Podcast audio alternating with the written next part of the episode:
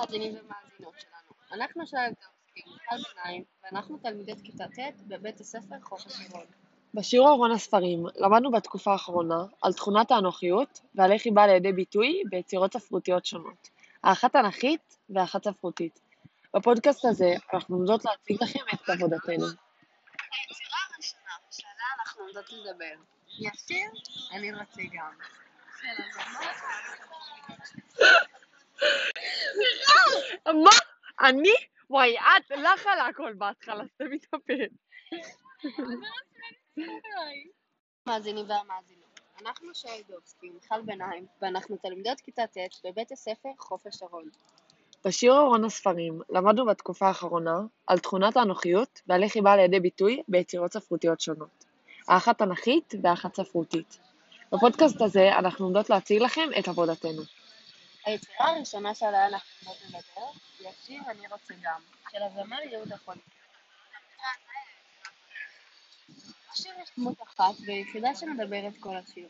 ואם אתם שואלים את עצמכם על מה היא מדברת, היא מדברת על כמה שהיא רוצה הכל מהכל, הכי טוב, הכי גדול והכי מפואר.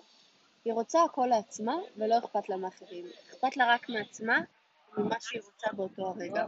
אותה דמות מאוד אנוכית, היא לא מתנהגת כך בכוונה, אך למרות זאת היא עדיין אנוכית. היצירה השנייה שעליה אנחנו עומדות לדבר היא מספר בראשית והיא נקראת חטא עץ הדת. היצירה מספרת את סיפורם של אדם וחווה בגן העדן, מהיווצרותם ועד לגירושם.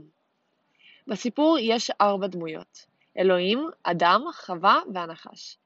ביצירה הזו בחרנו להתמקד דווקא בחווה. בהתחלה, הנחש ניסה לשכנע את חווה לטעום מפרי עץ הדת, אך נכשל, מכיוון שחווה ידעה שאלוהים אמר לה ולאדם שאסור בשום פנים ואופן לאכול מהפרי. אך לאחר כמה ניסיונות, הנחש הצליח לשכנע את חווה והיא אכלה מהפרי. לאחר שטעמה מהפרי, חווה ראתה את השפעתו עליה ורצתה לתת גם לאדם לטעום, וכך היה. לאחר שגילה זאת אלוהים, הוא העניש את חווה, אדם והנחש.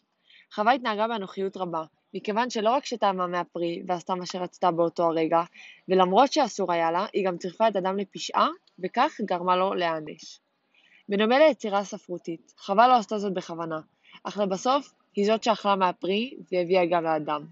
אז גם אם לא התכוונה לכך, היא התנהגה באנוכיות גדולה.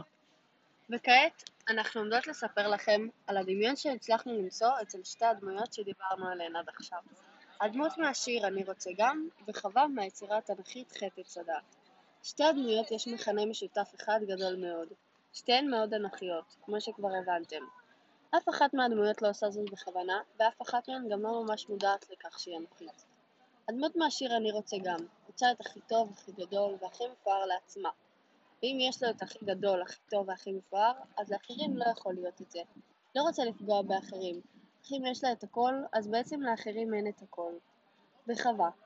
חווה לא אוכלת בכוונה את הפרי ונותנת אותו בכוונה לאדם. היא כל כך נלהבת מכך שאכלה את הפרי ומהשפעתו עליה, שהיא מרגישה שהיא חייבת לתת גם לאדם לטעום. ובגלל מעשה זה, שניהם בסוף נענשים. ואלה נקודות הדמיון הכי גדולות בין השיר, בין הדמות מהשיר, אני רוצה גם, לבין חווה מהיצירה התנ"כית. ועכשיו לנקודות השוני. אין נקודות שוני כל כך גדולות ששמנו לב אליהן, מלבד עובדה אחת. בשיר אני רוצה גם, הדמות בעצם מתמודדת רק מול עצמה, בעוד שביצירה התנ"כית חטא עץ חווה מתמודדת מול עוד דמויות אחרות מלבד עצמה. התבונה שגיבשנו לגבי תכונת האנוכיות אותה חקרנו, היא שתכונה זו היא תכונה מזיקה שרק פוגעת באנשים ומרחיקה אותם אחד מהשני. מכיוון שכאשר אנשים שמים לב שאנשים אחרים מתנהגים באנוכיות ורק חושבים על עצמם, זה גורם להם לא לרצות להיות בקרבתם, מכיוון שהם אנוכיים וחושבים רק על עצמם. לסיכום, כל העבודה והחקר שעשינו על סיפורים ויצירות אלו נועדו כדי לחקור את התכונה שכל הזמן דיברנו עליה, אנוכיות. כל דמות בסיפורים בעצם מתנהגת בדרך שונה אחת מהשנייה, אך שתיהן מתנהגות באנוכיות, אם במודע ואם לא.